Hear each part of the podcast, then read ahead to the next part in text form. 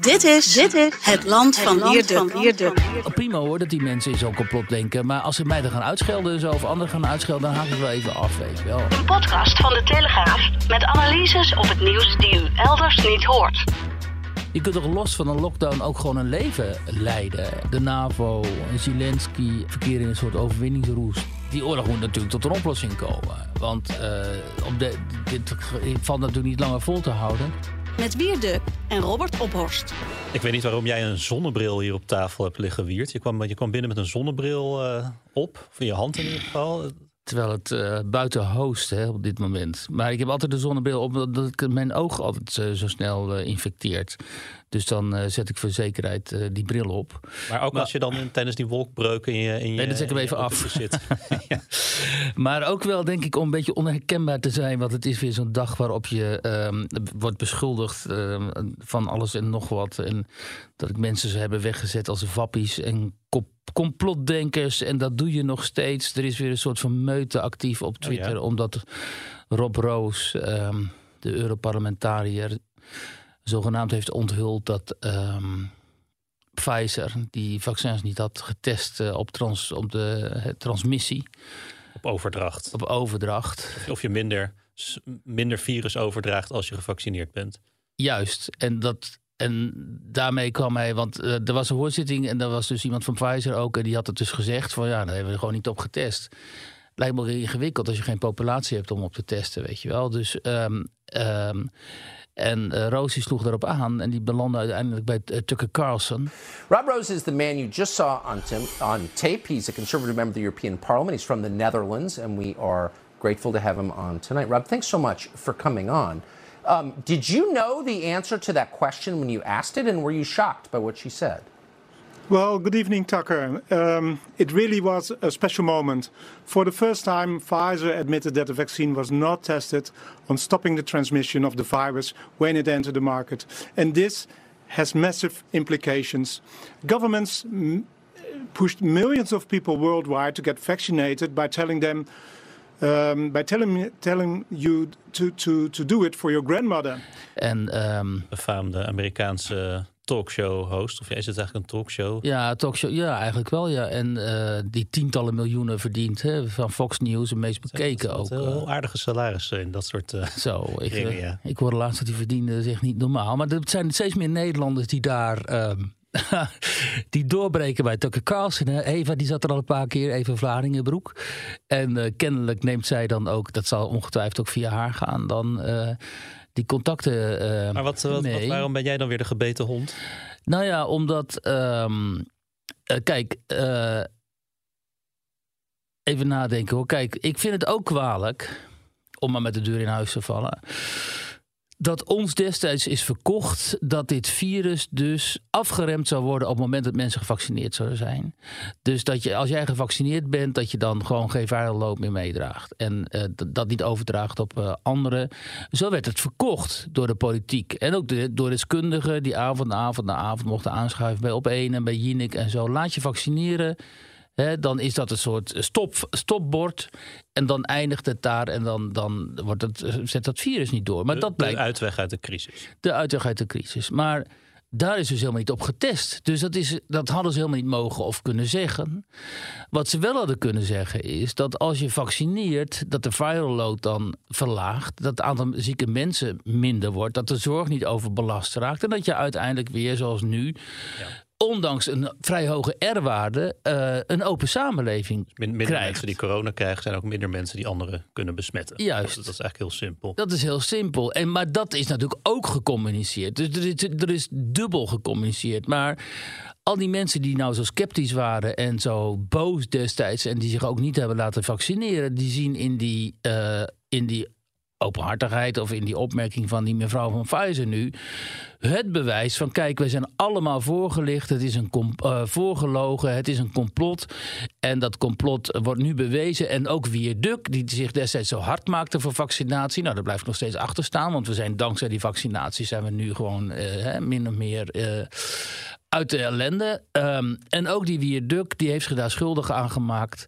En hij blijft gewoon een ophitser en een, ehm, eh, iemand die anderen beschuldigt ervan uh, uh, complotten te denken. Nou maakt me dat allemaal niet zoveel uit. Alleen het valt me wel op dat het, en dan denk ik het wat breder, dat het tegenwoordig op werkelijk bijna alle belangrijke thema's nog praktisch onmogelijk is geworden. Althans, in ieder geval voor de mensen die zich begeven op de sociale media. En ook wel in de reguliere media trouwens. Bijna onmogelijk is geworden om uh, nog genuanceerd uh, te kunnen uh, nadenken en te redeneren. Mm -hmm.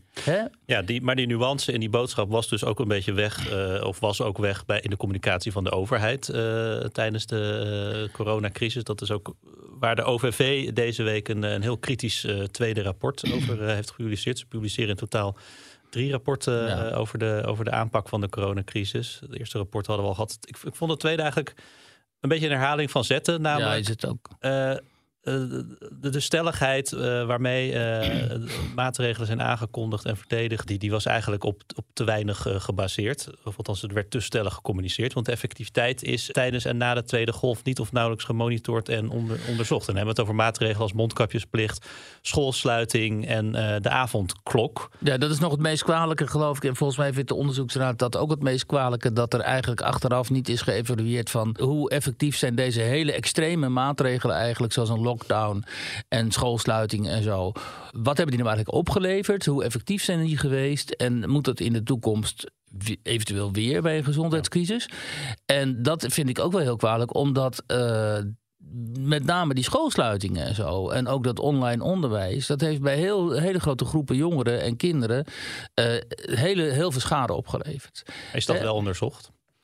Of dat zo is. Ja. ja, nee, dat is zo. Dat, weet, dat is gewoon cognitieve schade. Dus die kinderen lopen duidelijk achter in hun uh, ontwikkeling, schoolontwikkeling en zo. En er zijn gewoon heel veel jongeren uh, depressief geworden de, in, de, in de leeftijd van studenten en zo. En um, uh, het is natuurlijk ook een feit dat um, als jij begint met studeren en dat je begon in het jaar van de pandemie. En je bent twee jaar verder en in die twee jaar heb je alleen maar, bijna alleen maar online onderwijs gehad. En jouw eventuele studentenvereniging waar je lid van had willen worden, heeft gewoon nauwelijks, niet tot nauwelijks gefunctioneerd. Dan ben je twee jaar van wat een mooie tijd zou moeten zijn, namelijk je studententijd, die ben je gewoon kwijt. En ook anderszins jongeren die niet meer konden sporten, niet meer konden voetballen en zo. Wat natuurlijk achteraf ook best bizar is geweest dat zo lang die uh, voetbal- en hockeyclubs en zo, die, dat, die toch gewoon buiten kunnen sporten, stil hebben gelegen. En um, nou ja, daar, ik, ik vind het dat vind ik terecht, dat daar veel kritiek op is. En um, waar de, uh, wat volgens mij vooral de grote ergernis heeft opgeroepen... is natuurlijk de enorme stelligheid waarmee vooral Hugo de Jonge optrad. Hè. Die dacht daar een beetje de wijsheid in pacht mm -hmm. te hebben. En die kwam ook telkens zo over. Die kreeg er ook in dat eerste rapport al, al van langs. Van de, ja. Dat hij dat uh, in zijn communicatie uh, veel, te, veel te stellig was inderdaad op momenten... Nee, die was natuurlijk veel te autoritair in zijn communicatie. En uh, Mark Rutte, ja, die was Mark Rutte. Die, die kan wel suggereren dat hij empathie heeft en mede meevoelt met mensen en zo. Maar je merkt natuurlijk aan alles dat het helemaal niet het geval is. En uh, dus als er iemand was geweest. Kijk, aan de andere kant, in Nieuw-Zeeland had je dan die Adern. Weet je wel, die zo luid bejubeld werd. Want uh, dat Nieuw-Zeeland, dat werd uh, gewoon totaal, verkeerde gewoon totaal in lockdown. En iedereen jubelde mee, omdat zij zogenaamd zo empathisch dan dat die boodschap kon overbrengen en zo. Maar het was natuurlijk achteraf, A, was het onnodig. En B, was het natuurlijk ook niet zo. Dat, dat, dat daar veel empathie in doorklonk. Dus um, het is in alle opzichten een hele nare, uh, vervelende tijd geweest. Dat blijkt ook wel uit het onderzoeksrapport. En, uh, maar wat mij opvalt is toch wel dat zo extreem veel mensen uh, hierdoor uh, het vertrouwen in de overheid zijn kwijtgeraakt. Ook het vertrouwen in de wetenschap. Het vertrouwen in deskundigheid aan zich ook in de media. En dat ze dat telkens lopen te ventileren ook. En lopen te, uh, nogmaals lopen te benadrukken dat het vertrouwen ook nooit meer terug gaat komen en zo. En dan denk je, dan ben je toch ergens ook wel niet een zwakke persoonlijkheid, maar dan ben je toch ook wel heel snel, laat je jezelf uh, omverslaan door gebeurtenissen in de samenleving. Je kunt toch ook zelf nadenken en je hebt toch ook een eigen leven los van de overheid. En je kunt toch ook, ook al is er een lockdown, wat zo, en zo extreem was die lockdown natuurlijk ook weer niet. Je kunt toch los van een lockdown ook gewoon een leven leiden. En los van een avondklok en zo. Is het dan zo moeilijk en ingewikkeld voor mensen om verantwoordelijkheid te nemen voor hun eigen leven en ehm, eh, binnen die kaders die werden gesteld, gewoon verder te leven? Ehm, los daarvan, los daarvan en op een abstracter niveau vind ik, dat heb ik ook waargenomen, dat de overheid wel heel snel en heel graag grijpt naar allerlei beperkende maatregelen. En vooral ook maatregelen waarmee ze het mogelijk maken om in te grijpen in jouw uh, privésfeer. Behalve dan de mondkapjesplicht, want dat uh, werd, werd, werd, een beetje met, met lange tanden. Ja, dat kwam op van de, omdat Van Dissel er aanvankelijk niks in zag. En die is toen maar met lange tanden inderdaad akkoord gegaan, omdat het dan als symbolisch, uh, in symbolische zin moest. Maar wat ik wil zeggen is dat uh, is gebleken in die, in die pandemische periode dat uh, twee dingen. Dat mensen dus heel snel beïnvloedbaar zijn. Dat mensen zich heel snel uit het veld laten slaan. En dat de overheid heel snel geneigd is om in dit soort crisissituatie um, uh, tot dit soort extreme maatregelen over te gaan. Ook met groot genoegen. Je zag het ook gewoon mensen als Hugo de Jonge en zo, die genoten daar ook uh, ogenschijnlijk van. En daar moet je natuurlijk heel alert op zijn op bevolking, dat je als bevolking, dat je dat niet zo snel laat, laat gebeuren, zoals met het coronapaspoort en zo ook. Dat neemt niet weg dat er wel degelijk sprake was van een gezondheidscrisis. Het een sluit het ander niet uit. Het kan zijn dat we niet de juiste maatregelen hebben genomen op die gezondheidscrisis. Maar er was wel, natuurlijk wel degelijk een gezondheidscrisis. En dat te gaan ontkennen en te zeggen: er is helemaal geen corona. Er is een World Economic Forum. En dit was gewoon een test om te kijken hoe uh, bereidwillig bevolkingen uh, zijn uh, om gemanipuleerd te worden. En hoe makkelijk ze zich laten manipuleren. Ja, dat is natuurlijk een complot. En als je zegt dat is een complot, dan moeten die dan prima hoor dat die mensen in zo'n complot denken. Maar als ze mij dan gaan uitschelden en zo, of anderen gaan uitschelden, dan haak ik wel even af, weet je wel. Maar dat zijn natuurlijk ook wel de, de mensen aan het andere uiterste, zeg maar. En ik bedoel, tijdens die hele coronacrisis hebben we toch ook steeds gezien dat de overgrote meerderheid van de bevolking gewoon meegaat in. Uh, ja, maar die ging, ging, vaak ook weer te snel mee. Dat is mijn punt. Die overgrote meerderheid ging mee. Maar ik ben het eens met die critici dat te veel van die mensen ook wel heel erg snel meegingen. En op hun beurt mensen die zeiden: luister, ik wil graag zelf nadenken, ik wil graag eigen keuzes maken, zelf beslissingen nemen. Die werden dan, die gingen dan, die werden, die werden dan uitgescholden hè, voor wappies en weet ik veel wat en zo. En onder die mensen zaten ook een aantal wappies die ook geloven in de helende werking van uh, magische uh, boom, bomentakjes en zo en alle, andere dingen en zo. Maar er zaten ook gewoon normaal denkende, rationele mensen tussen. Die zeiden van ja, of die dachten van ja, maar die, een aantal dingen klopt hier niet. En um, ik had liever gehad dat die nuance uh, dominant was geworden. In plaats van die twee partijen die zo tegenover elkaar staan te schreeuwen. En elkaar voor uh, krankzinnig uh, uitmaken. En elkaar verketteren. En de mensen die wat genuanceerd proberen te denken. En de voor- en nadelen zien van, zeg maar beide kanten, waar ik mezelf toe schaar, dat die dan zo in de verdrukking raakten.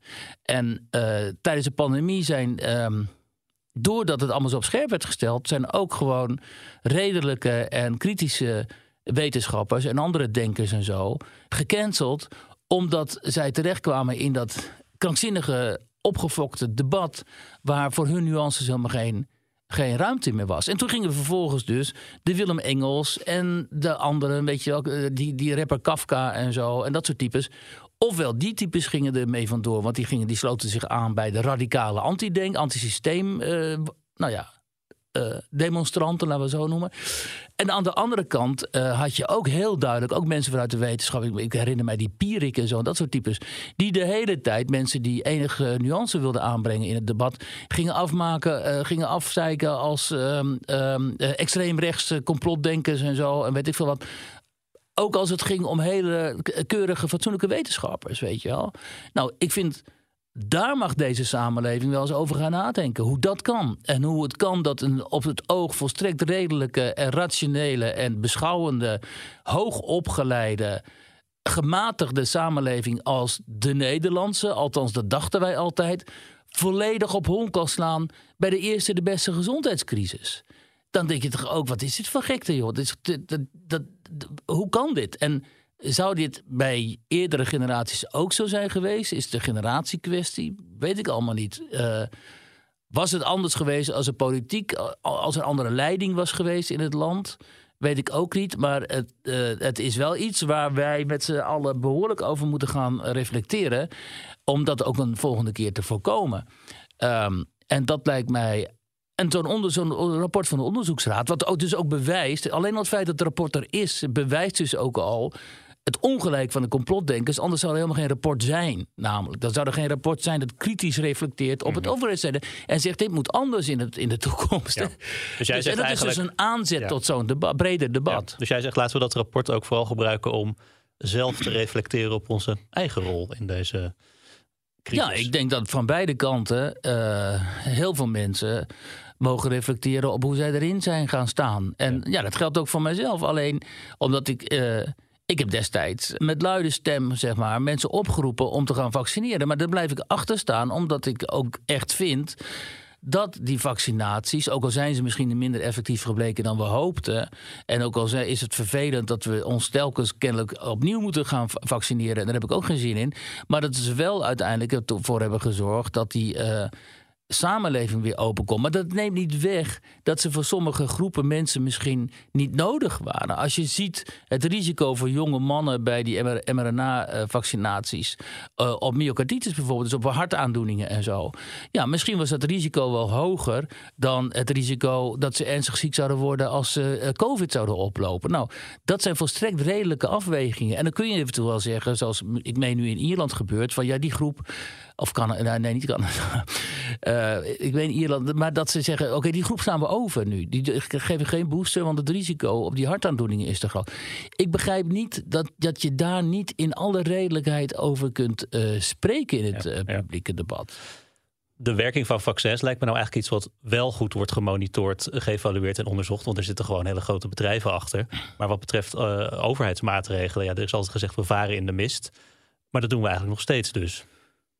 Nou, ik denk dat je op basis van uh, de afgelopen paar jaar wel allerlei conclusies kunt trekken natuurlijk. En één daarvan is dat een lockdown uh, gewoon niet helpt. Maar nu wordt er toch weer gespeculeerd over dat er misschien wel weer een lockdown aan zou kunnen komen en zo. Maar ja, Wist jij dat we tegenwoordig een uh, coronathermometer hebben? Die is deze week van 1 naar 2 gegaan. Ja, er, zijn vier, er zijn vier niveaus. Maar het was mij ook even ontgaan dat, dat we tegenwoordig met coronathermometers werken. Kuipers bedient die, hè? dat begreep ik, ja. ja die had bij Kuipers thuis op de, werk, of, op de werkkamer op het ministerie. Maar ik had, het was mij even ontgaan. Maar... Nou ja, die, die verambtelijking ook voor echt, weet je, coronathermometer. Maar ja, we hebben toch dat dashboard, daar kun je toch ook waarschijnlijk op zien uh, in welk stadium we, nu, we nog steeds zo is. Ja, ik, ik hou dat ook uh, niet helemaal meer bij. Maar ik moet zeggen, voor mezelf, het is soms ook een beetje... Uh, oogkleppen op totdat het, totdat het echt niet meer kan. en corona weer volledig onder ons is. Want nou ja, ik zie, weet je, ik zat zelf op de tribune laatst bij Ajax. Uh, eh, 50.000 mensen zitten daar te schreeuwen ook. Dus als er ergens, als er één, zeg maar. Uh, groepsevent is uh, dat als een, uh, hoe heet dat ook alweer, zo'n haard, zo'n uh, besmettingshaard zou kunnen gelden, dan zijn natuurlijk die voetbalstadions als er ook nog een dak op zit. Nou, ik ben niet ziek geworden. Ik kan me ook niet voorstellen dat heel veel andere mensen ziek zijn geworden. Dus volgens mij is er een, hele degelijke beschermingsgraad uh, opgebouwd. Alleen dat is dankzij de vaccinaties ook. Dat moeten mensen zich realiseren. En ik word wel heel erg moe van die mensen die zeggen dat de mRNA-vaccin dat is een vergif. En als je daarmee laat inspuiten, dan ben je gewoon, uh, gewoon getikt. En dan heb je een chip in je en die van, vanwege de overheid. En, uh, en corona bestaat niet. Daar komt het eigenlijk niet. Maar goed, daar hebben we het al over gehad net. Maar. Um, ik heb ook niet de indruk dat wij ons nou zo verschrikkelijk zorgen moeten maken over, uh, ook niet over die wintergolf en zo. Want volgens mij is het allemaal uh, behoorlijk uh, mild. Dus uh, ik zou ook absoluut niet geneigd zijn om nu allerlei alarm. Hij staat op twee, hè, die thermometer op twee. Let, ja, maar hij heeft uh, graad, 4 graden, dus hij is op de helft nu. Hè? En, nou ja. Maar ik vind ook echt dit hele onderwerp, weet je, het is zo gepolariseerd en ik ben er zo moe van. En we moeten gewoon maar met dat corona leven. En iedereen moet voor zichzelf maar uitmaken hoe, die, hoe, hier, hoe hij of zij hierin staat. Maar. Um, uh, de overheid en de media hebben een uh, belangrijke taak in het uh, proberen terug te vinden proberen weer contact te krijgen met die grote groep mensen die hier is afgehaakt. En ik vrees, gezien ook de reacties die ik krijg en de agressie ervan. En ook de eigen wijsheid. Die mensen zijn ook zulke bedwee. Wat ze verwijten dan de andere kant, hè, stelligheid en, en bedweterij en, enzovoort, enzovoort. Maar ze gedragen zichzelf vaak veel erger. Want zij gaan vaak gewoon heel erg schelden en zo ook. Hè? En, uh, en hoe kun je nou als gemiddelde burger, zeg maar, met een HBO-opleiding of zo. en je hebt gewoon een baan ergens bij een bank of weet ik veel wat. Hoe kun je nou denken dat jij opeens allerlei virologische en epidemi epidemiologische kennis hebt en zo. En op basis daarvan zeggen, ja, maar jullie hebben het foute eind. ik bedoel, hoe dan? Omdat je iets gelezen hebt van, de, van op Facebook of omdat je iets van de Thierry Baudet hebt gehoord of Willem Engel en zo hoe, hoe, kan, hoe kun je zo leven, weet je? Hoe kun je op basis daarvan uh, dit soort ingrijpende keuzes maken, vraag ik mij dan af. En, uh, maar goed, um, ze, moeten, zeg maar, uh, ze moeten maar die verantwoordelijkheid nemen dan. Ja. En, en, dat is de reden dat jij een zonnebril opdoet. Om niet herkend te worden door een ja, dat was het bruggetje naar dit verhaal. Waar was Wiert? En dan opeens sta je in Muntendam, een uh, vlek in de Veenkoloniën. Ja, voor jou was het geen uh, cultuurshock, Wiert, om daarheen te reizen voor jou uh, in Nederland. Want je bent immers opgegroeid in het, in het noorden. Ja. Maar voor het gezin van Kaan Uskuk was dat het zeker wel. Zijn vader kwam in 1969 vanuit de intellectuele kringen in metropool Istanbul naar Muntendam. Groningen dus. Um, ja, hoe was het voor Kaan om op te groeien in, zoals jij schrijft, het ruige platteland? Nou, kijk, uh, dat was eigenlijk heel interessant. Omdat uh, wij waren nog kinderen, lagere schoolkinderen. En kwamen, wij kwamen uit Domburg aan zee en zo'n badplaats, weet je wel. Ook wel een, beetje een chique badplaats en zo. En uh, we verhuisden naar Hoge Zand, waar mijn vader was beroepen, zoals het dan heet, als dominee. En die wilde bij zijn ouders, dus mijn grootouders in de buurt wonen, die wonen in Groningen. En mijn, broer, mijn broer en ik, nou ja, kwamen daar dus aan. En uh, ik loop dan met mijn broer door dat Hoge Zand. En, en we stuiten op het Winschoterdiep, moet je je voorstellen. Hè? Het Winschoterdiep. En dat stonk en dat bruiste en er lag een dikke laag witte drap op. En, uh, en het stonk naar zwavel en zo. En je kon er bijna overheen lopen. Dat was het, uh, het afval uit de aardappelmeelfabrieken die, die je daar had. En elke, uh, elk seizoen waarin ze dan aan, aan, de, in de, aan, de, aan het werk waren uh, liep dat Winschoterdiep vol en verspreidde die enorme stank. Um, en dat duurde gewoon echt heel lang. Hè? En dus zo ging het in die tijd. Um, dus wij dachten, nou, dit zal wel de achterbuurt zijn, hè? maar het bleek het centrum. en uh, verder was het ook, het was daar een soort, bleek daar een soort uh, Texas te zijn eigenlijk. Een soort Wild Westen daar. En, um, en dat heb ik altijd wel heel erg interessant gevonden. Je had er ook dat instituut Hommes, waar mensen als Theo Hiddema en zo volstrekt onhandelbare kinderen van de elite, die kwamen daarop terecht. En die kwamen dan uit Bloemendalen, Wassenaar. En Theo die kwam dan van zo'n grote boerderij, zo'n herenboerderij in Friesland. En die zaten daar en die, die leefden daar onder het juk van de, van de directeur. Dat was een soort Bordewijkiaanse situatie waarin je, als je brutaal was, dan kreeg je enorm met een liniaal op je handen getikt en zo. Dus die jongens die, die, die, die ja, die leefden, leefden daar onder grote tucht. En die, dat soort types zaten dan ook bij ons op school.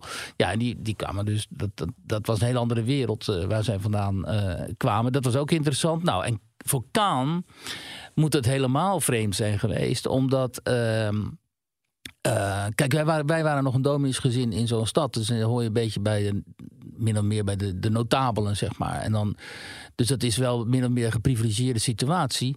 Maar hij kwam uit een gastarbeidersgezin.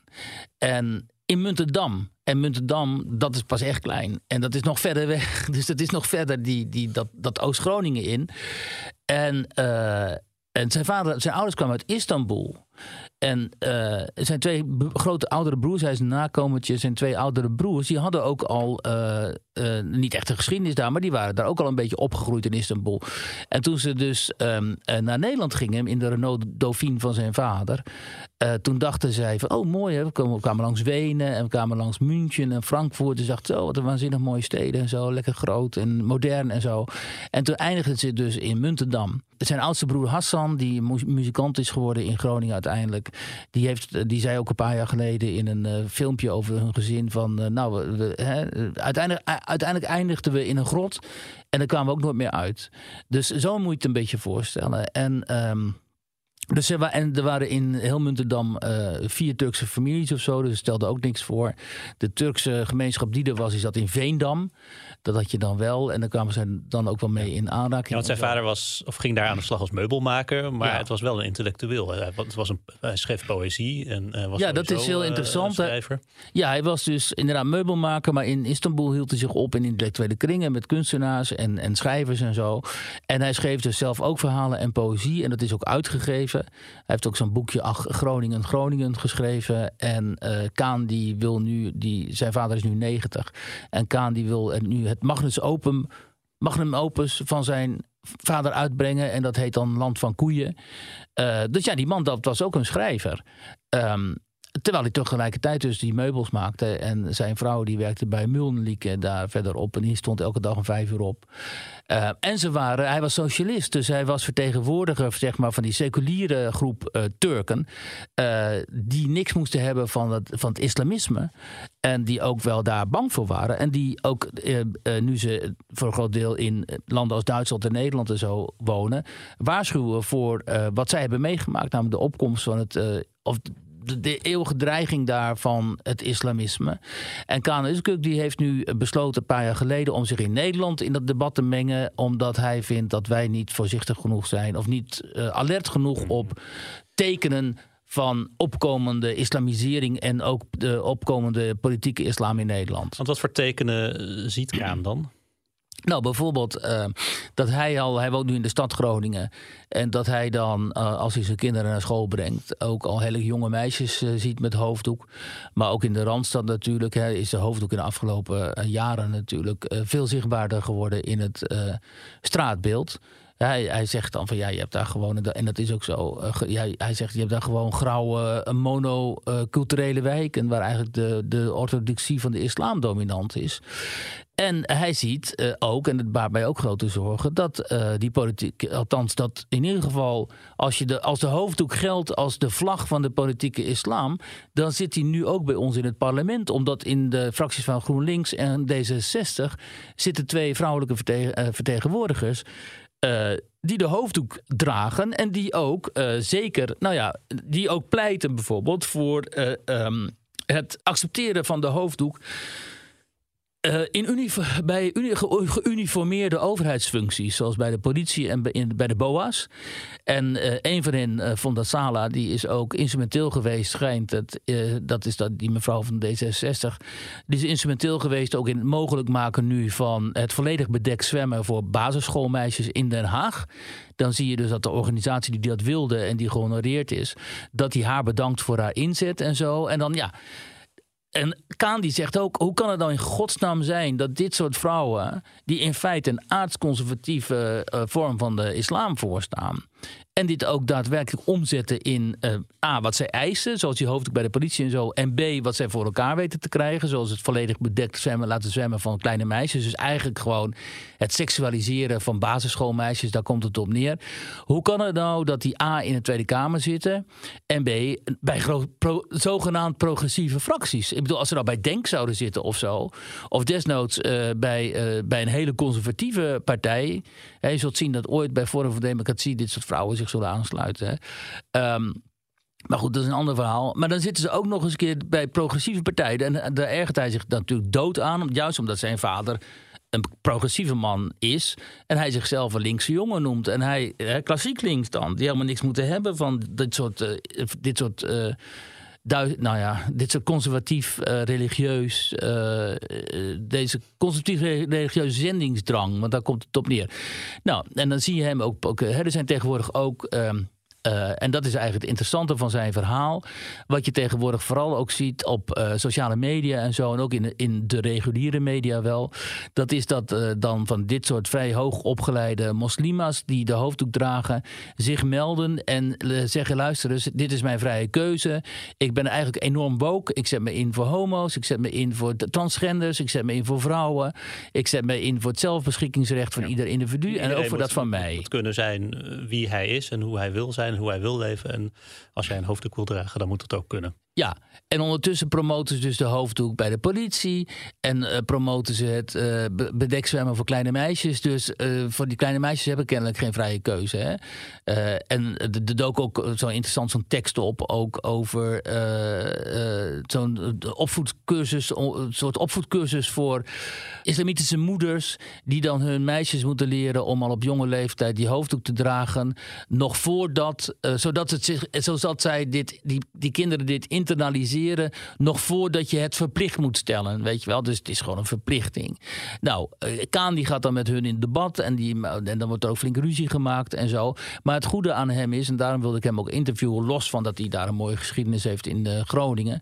Het goede aan hem is dat hij zich niet laat intimideren en dat hij dus de kleren van de keizer laat zien dat, uh, dat die, die, die, deze activisten keizers zonder kleren zijn. Althans, dat ze geen argumenten hebben het interessante nu aan het woke islamisme, waar ook iemand als Kleis Jager, uh, de correspondent in Frankrijk, die daar waar hierover veel gesproken wordt, in Frankrijk dan, uh, opwijst, is. Um, als jij wilt infiltreren, als jij de politieke islam wilt laten doen infiltreren in westerse seculiere samenlevingen, dan is het natuurlijk veel handiger en makkelijker om dit te doen via dit soort uh, op zichzelf intelligente jonge vrouwen die zeggen: Ik ben links, ik ben woke, enzovoort, enzovoort. Waar het vroeger gebeurde via die doem- en hel en verdoemenis spreken van die bebaarde mannen die in de moskee zeggen: je mag dit niet, je mag dat niet. En, die, die, die, tegelijkertijd homo's van daken willen gooien. Precies, nou ja, of dat zo extreem weet ik niet, maar het is wel hel en verdoemenis en je mag niks.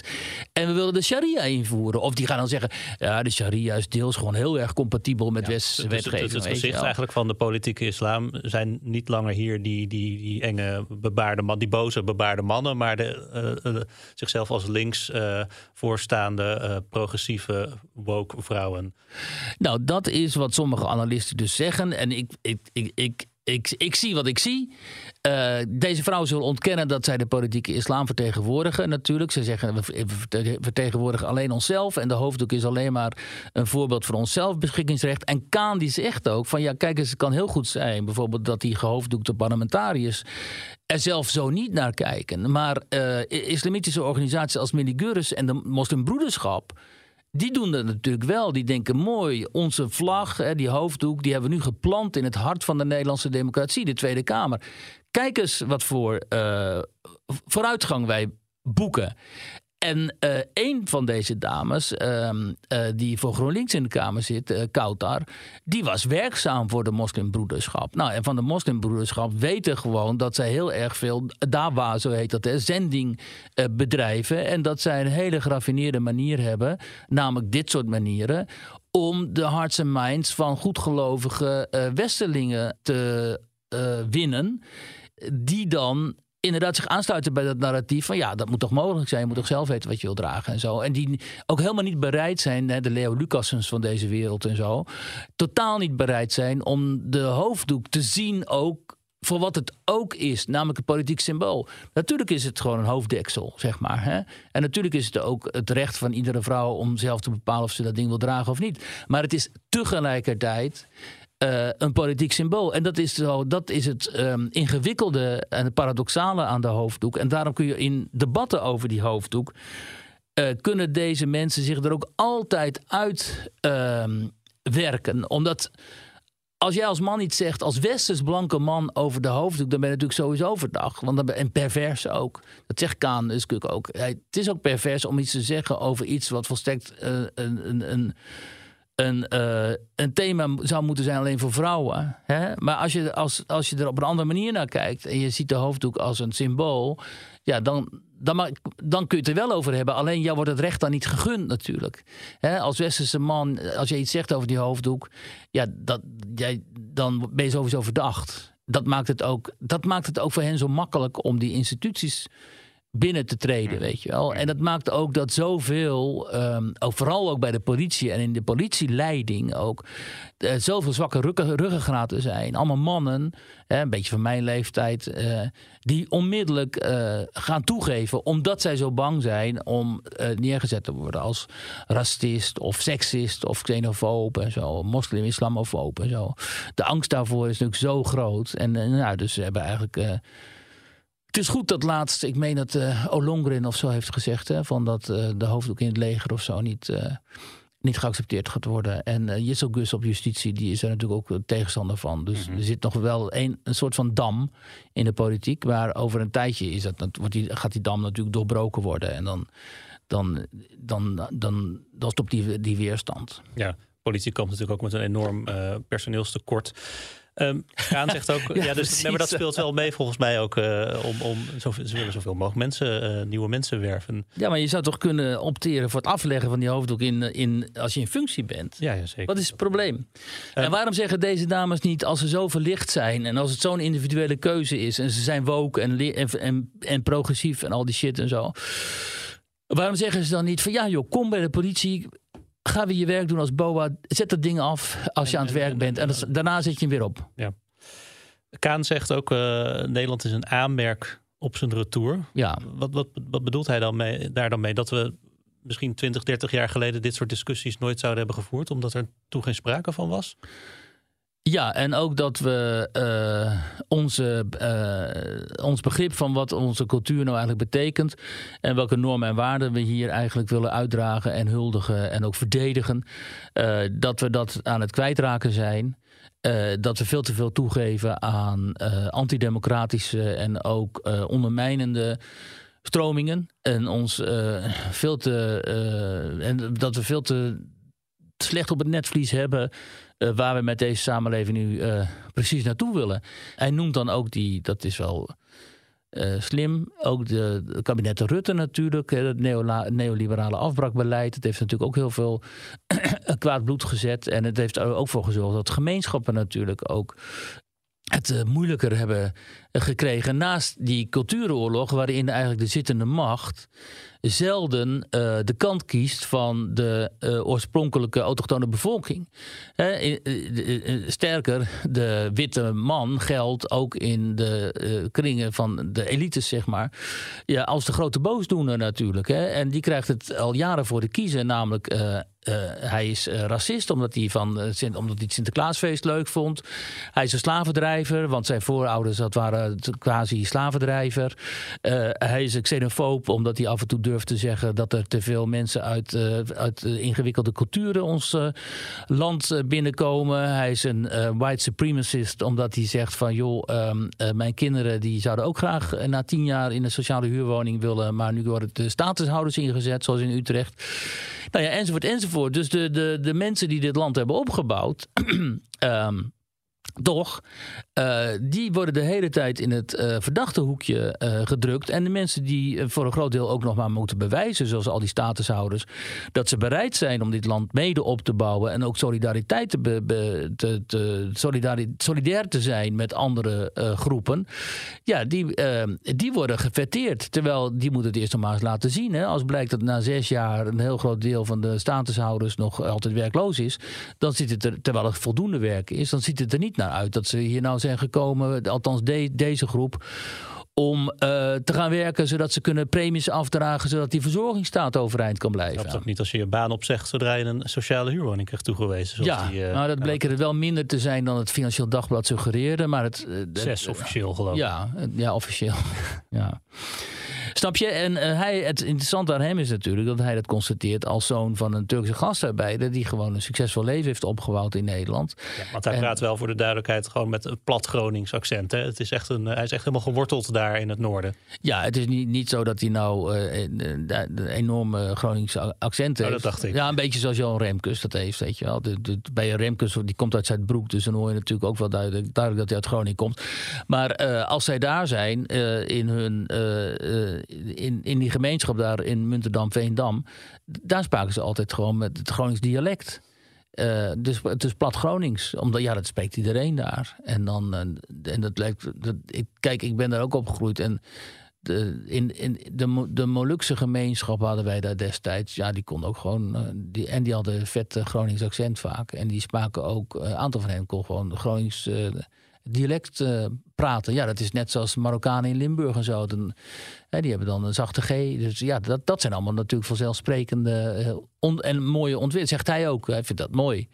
Ja, ik vind het ook mooi. Want op die manier, via taal, word je natuurlijk ook deel van een gemeenschap. Hè. Dat, uh, dat is ook zeker zo. Over taal gesproken en in de categorie, uh, u hoorde het hier als eerst, gaan we het hebben over een, een, een interview wat jij had, of een gesprek met ja. uh, Arend van Nieuwkerken, docent Poolse en Slavische literatuur aan de Universiteit van Amsterdam. Wat nog niet in de krant is verschenen um, en ook nog niet online. Dus uh, dit is een world exclusive. ja, dat zou morgen in de krant moeten staan, maar je weet, je, je weet, het, je weet nooit. het nooit. Je weet het nooit met Ja. die met, met die onbetrouwbare nieuwsagenda's hier. Um, vertel even, uh, van Nieuwkerken, Pools en Slavische literatuur. En waarom, uh, waarom sprak je met hem? En waarom? Nou ja, omdat uh, in dit conflict in Oekraïne, althans de oorlog in Oekraïne, spelen Polen en de Baltische landen een, en ook een beetje de Scandinavische landen, maar vooral deze de vier, Polen, Letland, Estland, Litouwen, een hele voorname rol. En uh, als verdedigers van de Oekraïnse soevereiniteit, ze geven ontzettend veel geld en hulpgoederen en ook wapens aan uh, Kiev. En uh, er vindt, vindt nu een interessante verschuiving plaats binnen de NAVO en de Europese Unie. Omdat die machtsbalans eigenlijk, ja, dat, dat dwing je af op het slagveld immers. Ja, die verschuift nu richting uh, Oost-Europa. Omdat uh, deze landen ook natuurlijk enorm in de smaak vallen bij de Amerikanen. Als je met de Amerikanen nu spreekt, ja, die vinden het van, die kijken heel erg vol dédain. Kijken ze naar Duitsland en Frankrijk en zo, vinden ze allemaal niks. Maar ja, Polen, hè, dat vinden ze echt helemaal top. Nu hebben de Polen ook een belangrijke lobby in de Verenigde Staten en die Baltische landen ook. Maar ze bewijzen nu in de ogen van uh, de NAVO, het top en de Amerikanen, dat zij veel standvastiger zijn in hun houding ten opzichte van Poetin en ook veel uh, meer risico durven te nemen dan wij bijvoorbeeld. Of uh, in ieder geval dan de Duitsers en de Fransen. Daarmee dwingen ze dus enorm veel respect af. En ik wil dus weten van Arend van Nieuwkerken. Um, wat dat nou is, dus wat voor historische um, uh, emoties hier een rol spelen en hoe, hoe deze landen zich überhaupt uh, historisch verhouden uh, ten opzichte van Rusland. Ja, en dan kom je natuurlijk uit op, hè, dat zegt Van Nieuwkerken ook voor je luisterers.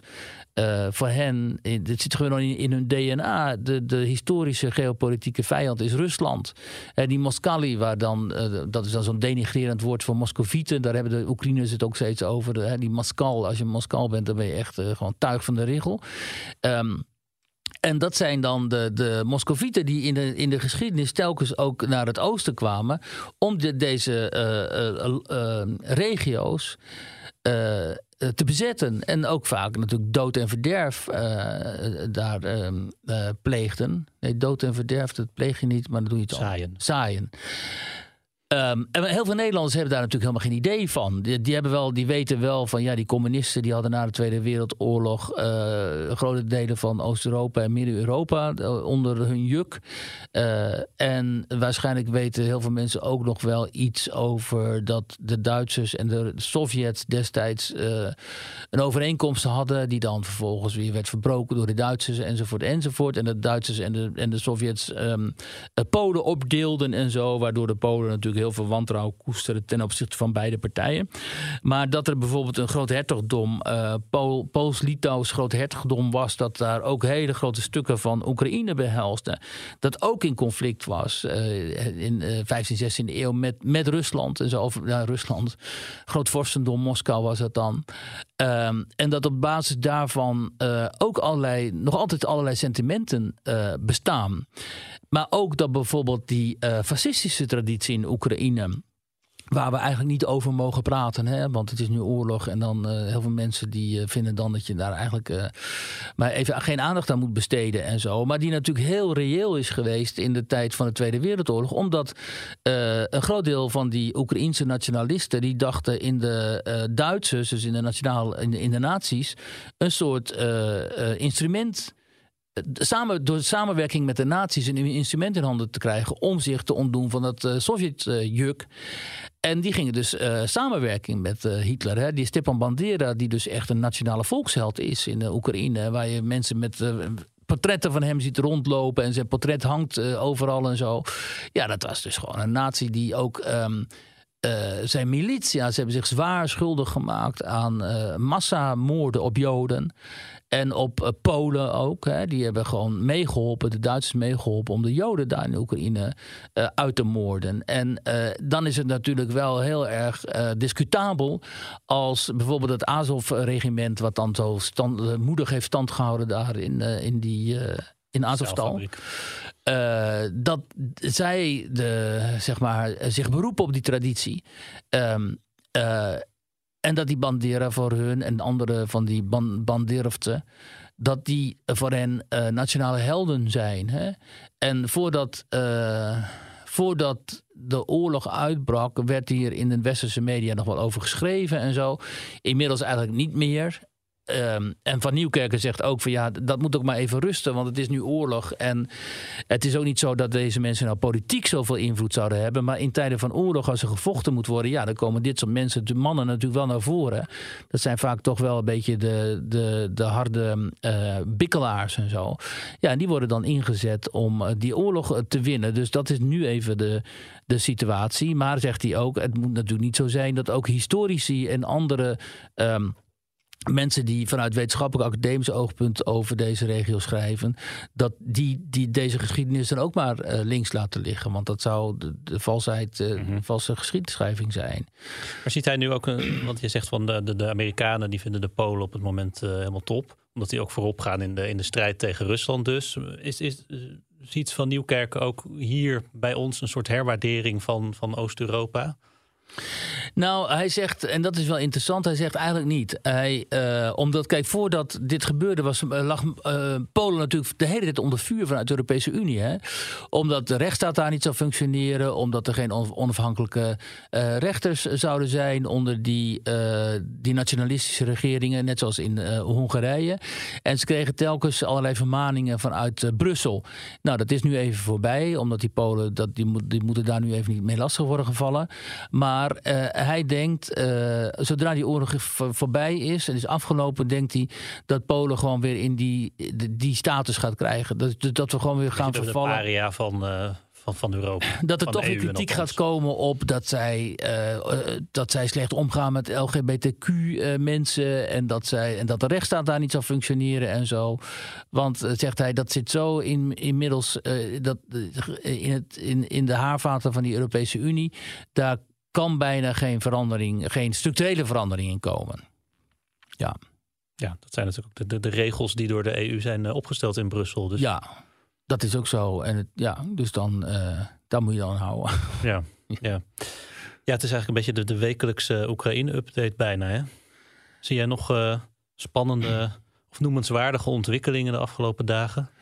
Nee, ik zie nu bij ons op de site ook een verhaal van ja, uh, wie kan de doorbraak in Oekraïne forceren? Uh, Erdogan die heeft zich nu opgeworpen als. Uh, ja, ik, ik zei spannend, maar dat is, dat is niet echt helemaal de, de, een, een juiste term in dit soort verschrikkelijke oorlogen.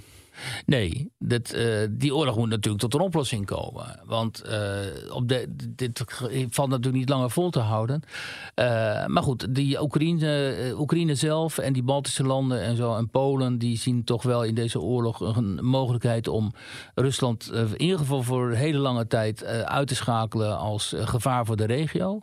Dus die gaan echt niet denken in onderhandelingen... en al helemaal niet aan het afstaan van het grondgebied van Oekraïne aan Poetin... Um, uh, maar de, nee, Erdogan die werpt zich nu op als eventuele onderhandelaar. En ja, China zou natuurlijk moeten zeggen van... Uh, kijk eens, niemand is hierbij gebaat, dus er moet stoppen in ieder geval. Een staakt het vuren moeten komen. Um, dus we zullen het zien. Maar um, ja, dat heb ik ook al eerder gezegd. Hier, de NAVO, Zelensky en die landen die ik net noemde... die zijn verkeren in een soort overwinningsroes. Die denken we gaan nu voor... we kunnen Poetin ja, in zijn hok eh, krijgen. Nu door. En die militaire macht van Rusland voor heel lang beschadigen. En zodanig dat eh, de Russen geen bedreiging meer vormen. En dat is eigenlijk hun strategie. En dan moeten de westerse, althans vooral de Europese bevolkingen. De West-Europese bevolkingen ook. Die moeten dan daar maar even door die, eh, door die appel heen bijten in hun ogen. Ik dank jou weer hartelijk, Wiert. Ja, ik dank jou ook, Robert. Tot, Tot de volgende volgende. week.